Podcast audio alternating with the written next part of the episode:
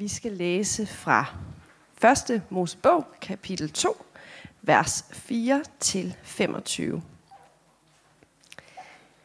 Dengang Gud Herren skabte jorden og himlen, var der endnu ingen buske på jorden, og ingen planter var spiret frem, for Gud Herren havde ikke lavet det regne på jorden, og der var ingen mennesker til at dyrke af jorden. Men en kilde brød frem af jorden og vandede hele agerjorden. Da formede Gud Herren mennesket af jord og blæste livsånde i hans næsebor, så mennesket blev et levende væsen. Gud Herren plantede en have i eden ude mod øst, og der satte han det menneske, han havde formet. Gud Herren lod alle slags træer, der var dejlige at se på og gode at spise af, vokse frem af jorden. Også livets træ midt i haven, og træet til kundskab om godt og ondt. I eden udsprang der en flod, der vandede en haven. Udenfor delte den sig og blev til fire strømme. Den første hedder Prishon.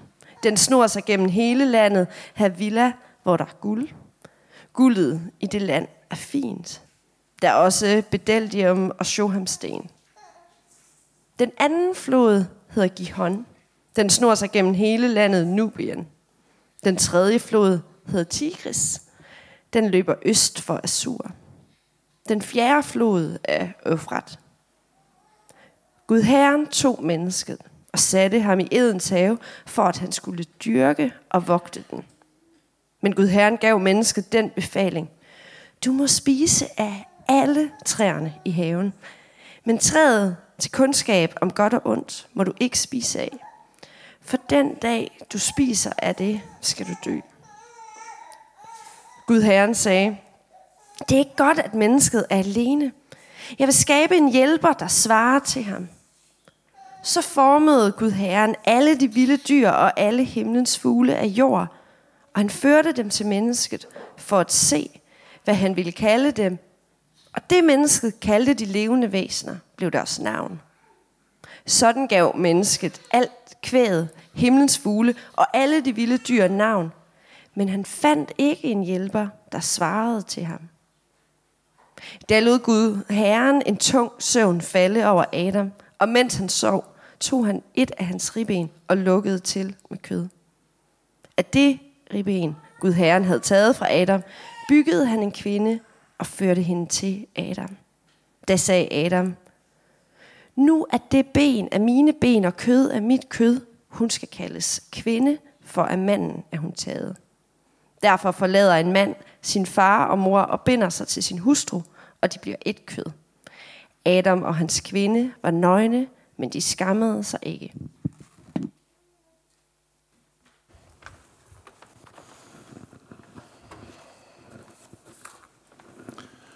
Ja, for en gang skyld, så begynder vi jo i begyndelsen i dag.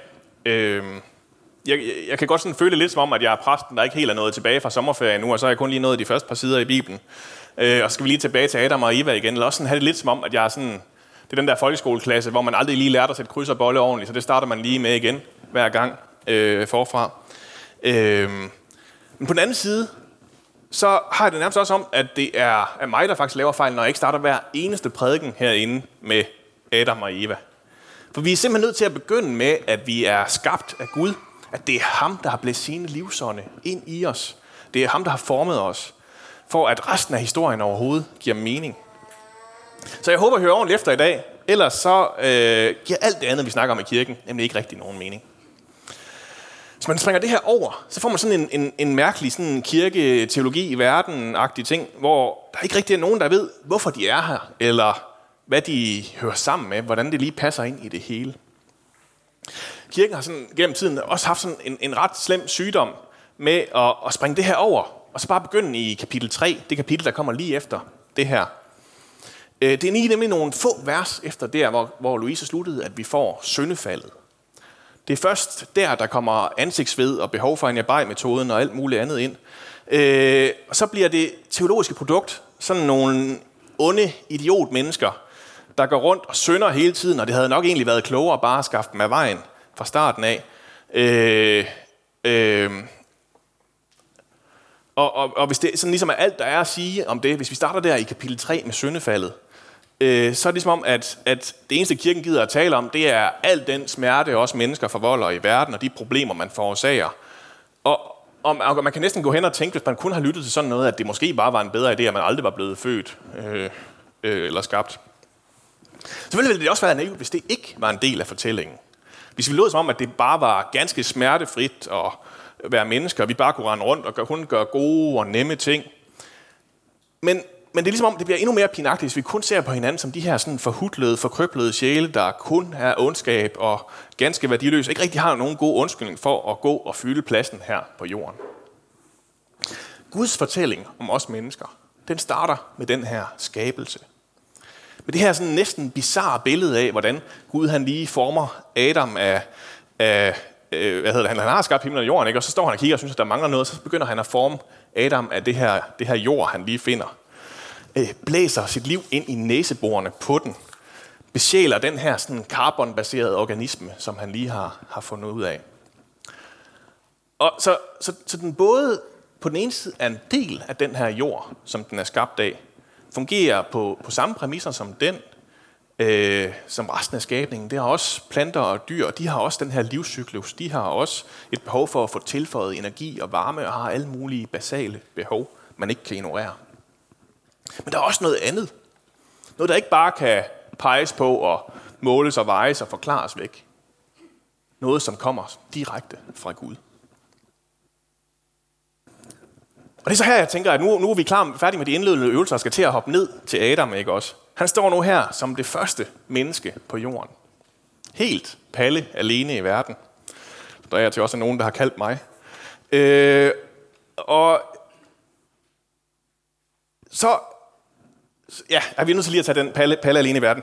Øh, Palle alene i verden er faktisk skrevet af en psykolog, øh, Jens Sisgaard. Og ideen kom der i hans forskning. Han, han spurgte 1000 børn, hvad ville I gøre, hvis I helt selv kunne bestemme? Og ud af svarene af det, så kom Palle alene i verden så.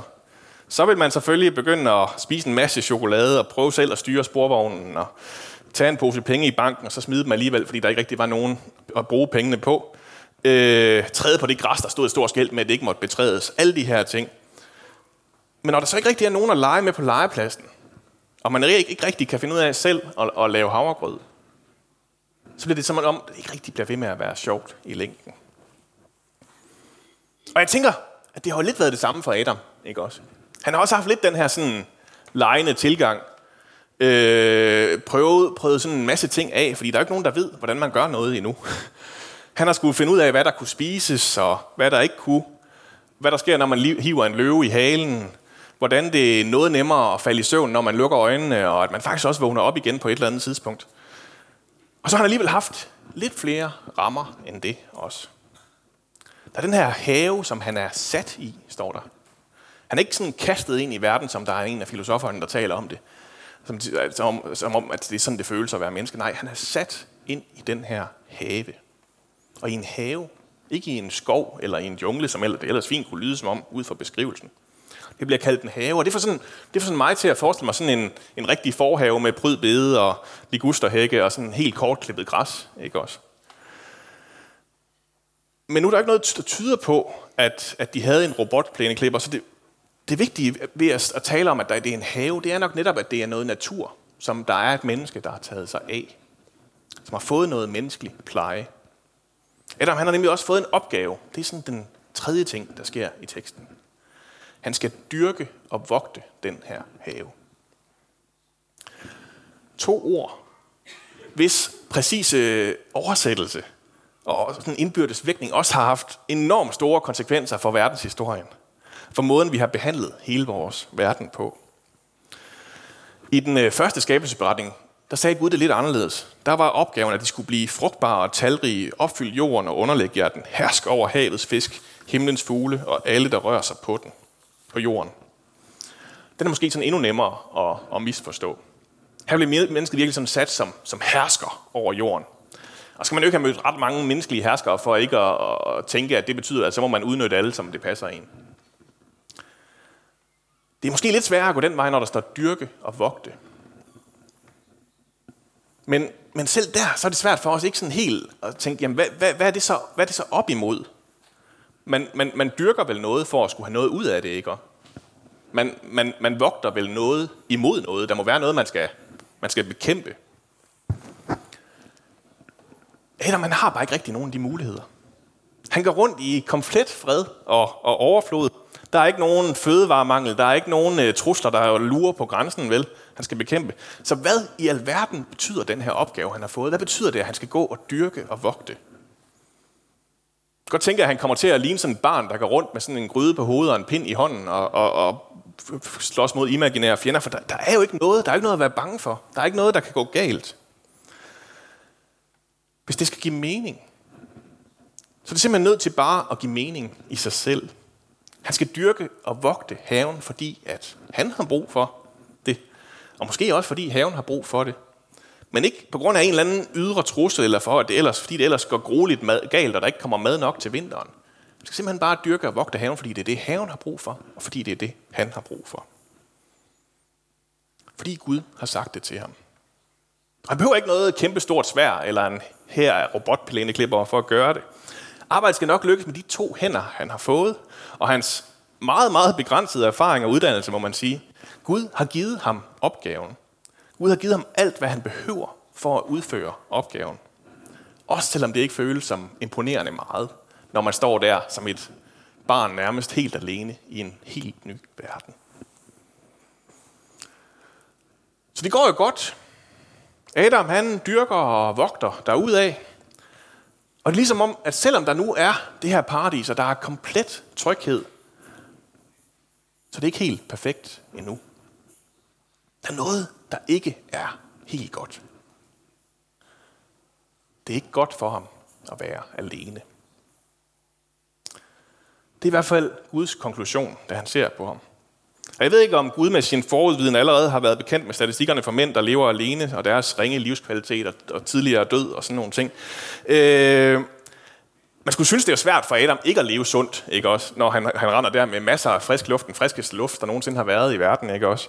Øh, og en, en dejlig frugtordning, og der er styr på det hele. Øh, men, men der er et eller andet, der stadigvæk ikke er godt. Og så går Gud ellers i gang med at, at finde på potentielle hjælpere. Og der er den her absurde scene, hvor Gud han nærmest er gang i sådan noget øh, dating-tv-program, hvor han sender alle dyrene afsted, og så skal Adam finde på, hvad de hedder. Øh, og det går jo godt. Altså, han gør det godt. Giraf, pelikan, komodo, varan, hest, søhest, flodhest. Altså, jeg synes egentlig, han gør det godt. Det er også gode bud fra Gud. Men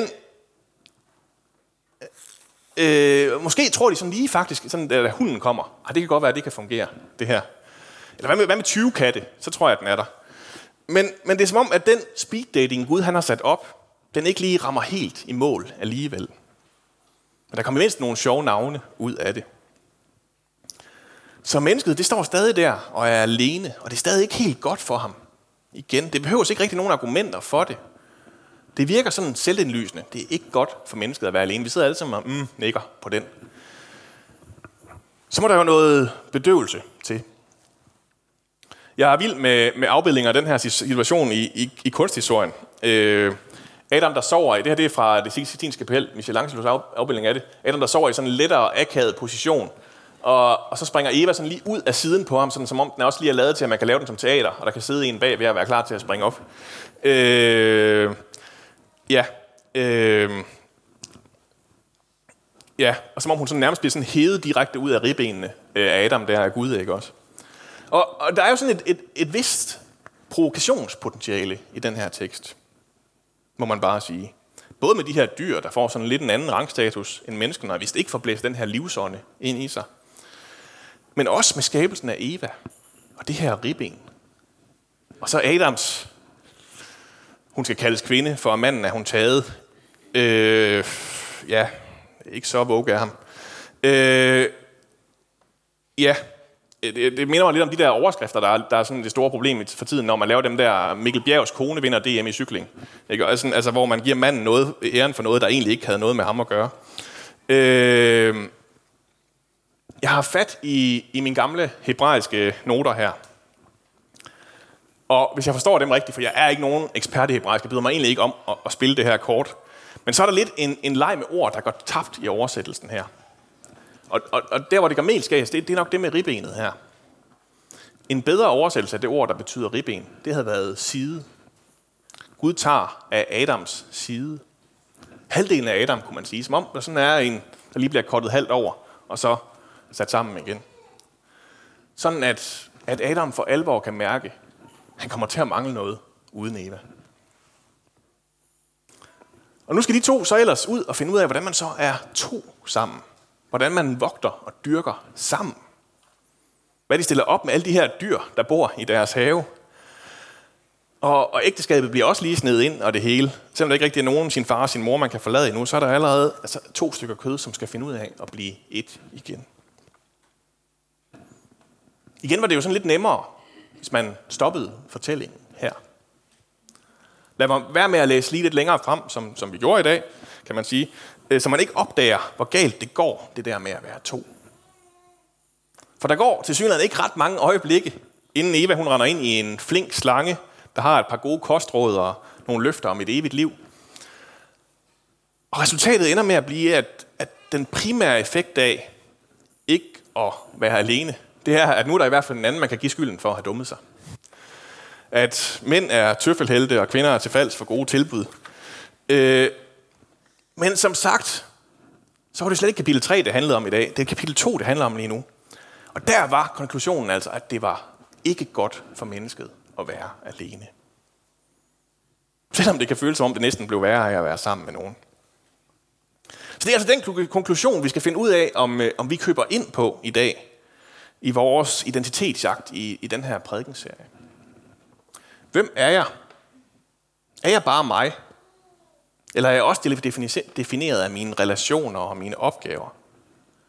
Betyder det noget, at jeg ikke bare er et dyr? At der er en, en ånd fra Gud, der bor inde i selve mig?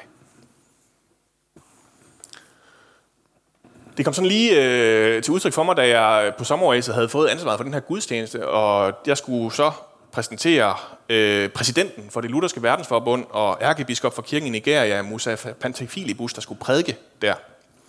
Og øh, vi snakker jo sammen inden, og jeg spørger, hvordan skal jeg præsentere dig? Han siger, jamen det vigtigste, der er at sige om, og det er jo, at jeg er gift med Rebecca og har tre børn. Det glemte jeg så at sige, da jeg skulle præsentere. Jeg husker både det med ærkebiskop og præsident, men altså, helt ærligt, det siger jo ikke særlig meget om manden, at han er gift og har tre børn, vel? Altså, det er der jo mange, der har. Der er noget færre ærkebisper derude.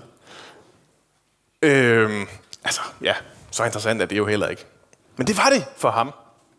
Det har det været gennem tiden. Dengang, at søn af Eivind og Pernille, det var noget af det første, jeg havde præsenteret mig selv med. Som en af, af ja, øh, de allerførste ting, som kom helt frivilligt, og ikke bare noget, der sådan ligesom dukker op, fordi at folk de får en mistanke om, at de kender mine forældre. Der var også dengang, hvor det var noget mere uinteressant, hvad man lavede. Fordi man kunne godt sådan tillade sig bare at antage, at jeg var jo sandsynligvis landmand, ligesom min far og min farfar og min oldefar før mig, ikke også? Men konsekvensen af det her skift i vores samfund, det er, at, at identitet det er ikke længere noget, man bare sådan har, man bare har fået givet vel. Det er noget, vi skal ud og jagte. Og på sin vis, så kan det jo lyde ret tillokkende. Men det kan også hurtigt ende ret uheldigt. Øh, bare, bare det her med at få givet identiteten, snakker vi om nu. Øh, at man bare slet ikke skal ud og jagte noget. Det er bare styr på det hele. Det er både sådan, ja, det kunne da være meget rart.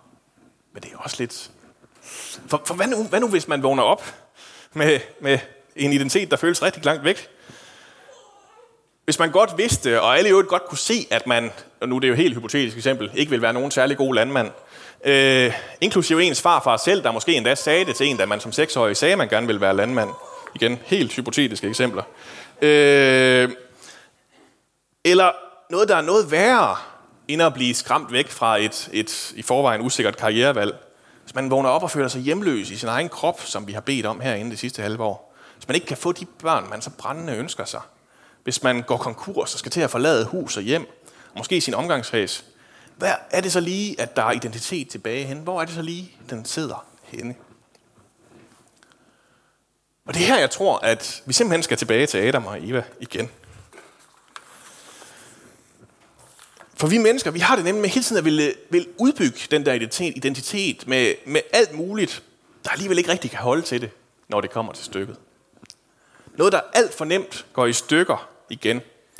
Alligevel viser sig ikke at være så nært, så sikkert og fastlåst, som vi troede det var. Tro, at man skal være ærkebiskop, for at man er værd at præsentere, eller at det er familiegården, der holder slægten oppe, eller hvad det nu kan være. Og det er ikke fordi, der er noget galt med hverken ærkebiskopper, eller familiegårde, eller Ferrari, eller Instagram-følgere, eller hvad vi nu kan finde på for den sags skyld. Det er bare svært at bygge en identitet på, der holder. Igen, hvis vi zoomer ind på Adam og Eva, så starter det hele med, at de er skabt og formet ud af den jord, de er en del af. Det er den første ting, der er uomgængelig for skabelsesberetning. Vi hører til på den her jord. Vi er en del af alt det andet. Vi kan ikke bare lade som om, at vi ikke har noget at gøre med vores jord og vores omgivelser.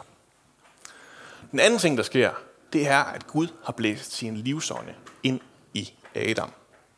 Ind i dem og ind i os. Bedre bliver det ikke. Hvis der er noget, der er vigtigt at sige om, hvem vi er, så er det det. At vi har Guds ånde i os. Vi går rundt og bærer noget af Gud. Den tredje ting, der sker, det er, at vi er skabt med en opgave. Vi skal vogte og dyrke det sted, som vi er sat. Den opgave, den afhænger ikke af, hvor, hvor godt vi lykkes med den, eller øh, hvordan det lige går det hele, men det er stadigvæk vores opgave, at vi skal passe og pleje, beskytte og forme vores hjem, vores børn, vores gamle, måske også vores kirke, de steder, hvor vi ved, vi hører til. Der skal det os, der skal vogte og dyrke. Og den fjerde ting, der kommer her i den her skabelsesberetning, og den måske mest komplicerede ting, det er, at vi har brug for at gøre det sammen med nogen. Det er ikke godt alene.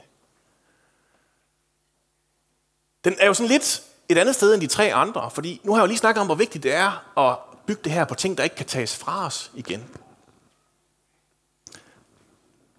Det gælder jo ulykkeligvis ikke for andre mennesker. Der er død og sygdom. Og så er der deres følelser og vores følelser. Alt muligt, som kan lægge sig imellem, både udefra og indefra, og ødelægge relationerne. Og alligevel, så kan vi ikke undvære de her relationer. Alligevel så definerer de her forpligtende relationer, vi indgår i os. Mennesket er det eneste patdyr, der ikke kan klare sig selv, når det fødes. En, en gnuunge har, hvis, har jeg hørt, 9 sekunder fra fødslen, før den selv skal kunne løbe væk fra løverne. Ellers så var det det. Et menneske, det fødes fuldstændig uafhængigt af alt det andet. Øh, af, af, af, fuldstændig afhængigt af, at der er noget andet, der vil tage sig af det. Det er ikke godt for mennesket at være alene. Det kan vi se helt fra det fødes af. Det er noget rigtig skidt, når det er. Selvom den sidste del af den her menneskets oprindelige identitet, der hvor vi fandt ud af, hvad det oprindeligt var tænkt med at være menneske, det er den mest skrøbelige. Så det er også den mest aktive, den som vi er nødt til at tage på os. Det som ikke bare sker af sig selv. Fordi den ikke kun handler om os selv, men også om hinanden. Fordi de her gensidigt forpligtende relationer ikke kun er for vores egen skyld, som de absolut også er det, men også for den andens skyld. Gud var der jo endda ellers selv. Altså han kunne jo bare have passet Adam, kan man sige. Men selv Gud kan se, at mennesket har brug for andre mennesker. Det havde været nemmere, hvis han havde skabt det andet menneske noget sådan mere fejlfrit. Så var det jo ikke gået galt eller noget. Men altså, vi har brug for de her mennesker. Selvom det er skrøbeligt, selvom vi fejler og svigter hinanden, så er det ikke godt for mennesket at være alene. Det er altså her, vi hører til. Det er sådan, vi er skabt. Det er sådan, vi fungerer.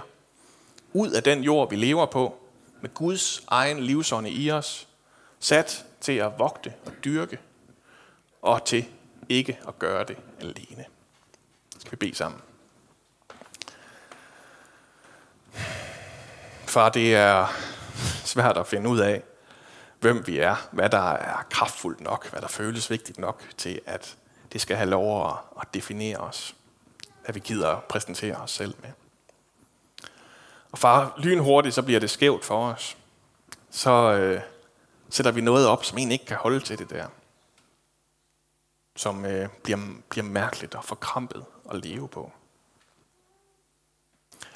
Og øh, far, derfor så beder vi om, at, at du må minde os om, at du må vise os, hvordan vi er skabt ud af den her jord.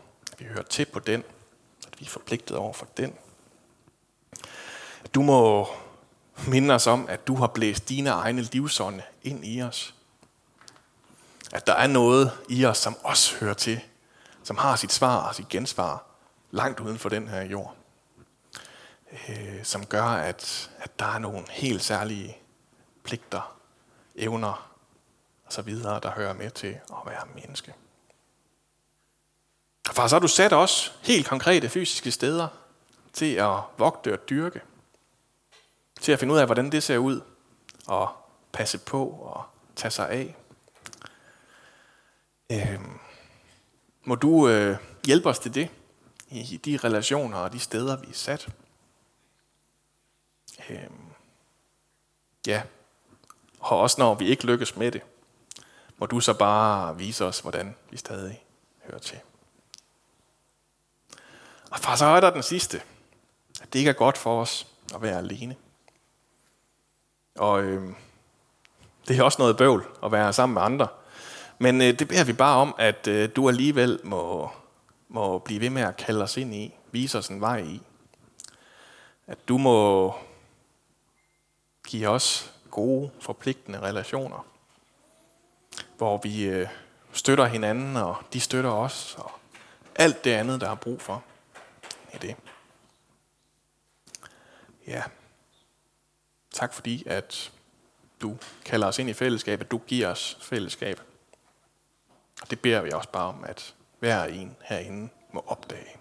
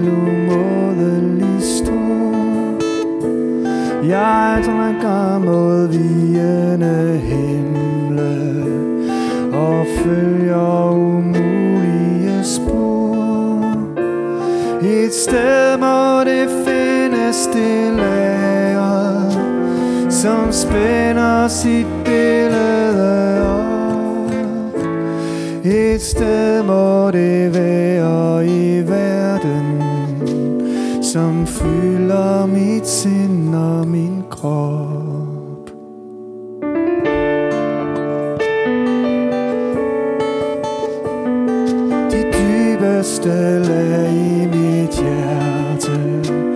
Har set et forklarelsens land, hvor alt var set fuldkommen billede. Og lykken var evig og sand Men kun som et glimt, som en lysning Der strøg over mark og vand. Et strøg om et glimt stod forklaret som livets sin kærlighedsland.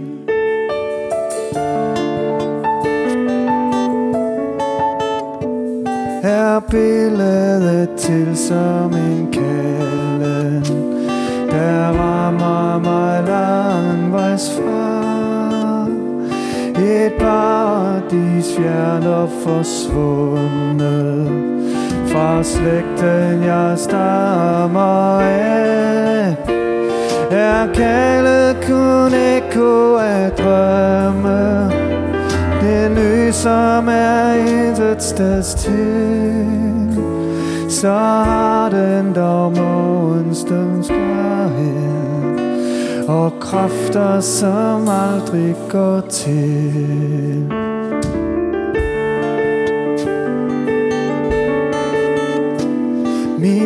Gud, som jeg kalder den mester. Der melder mig morgenens frem. Det spekter jeg ikke behersker. Af længsel urolig og øm Som spænder de strenge i hjertet. Der aldrig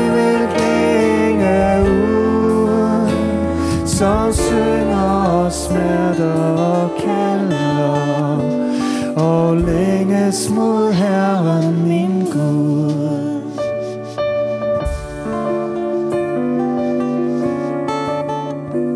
Du skabelsens Gud, som vil bøje dig ned til din verden i dag. Du skaber, som åbner mit øje og kender mit hjertes slag. Din ånd over lande og have, din kalden på skabningen selv, er lyden i alt det du skabte, i blodets og flodernes ven.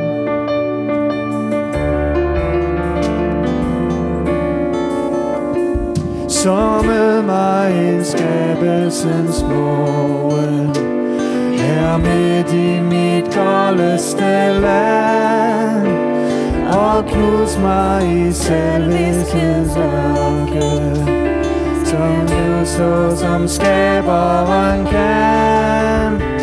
Er du urosen Min længsel til det jeg formår. At rejse mig nyskabt og leve På jorden, hvis dagene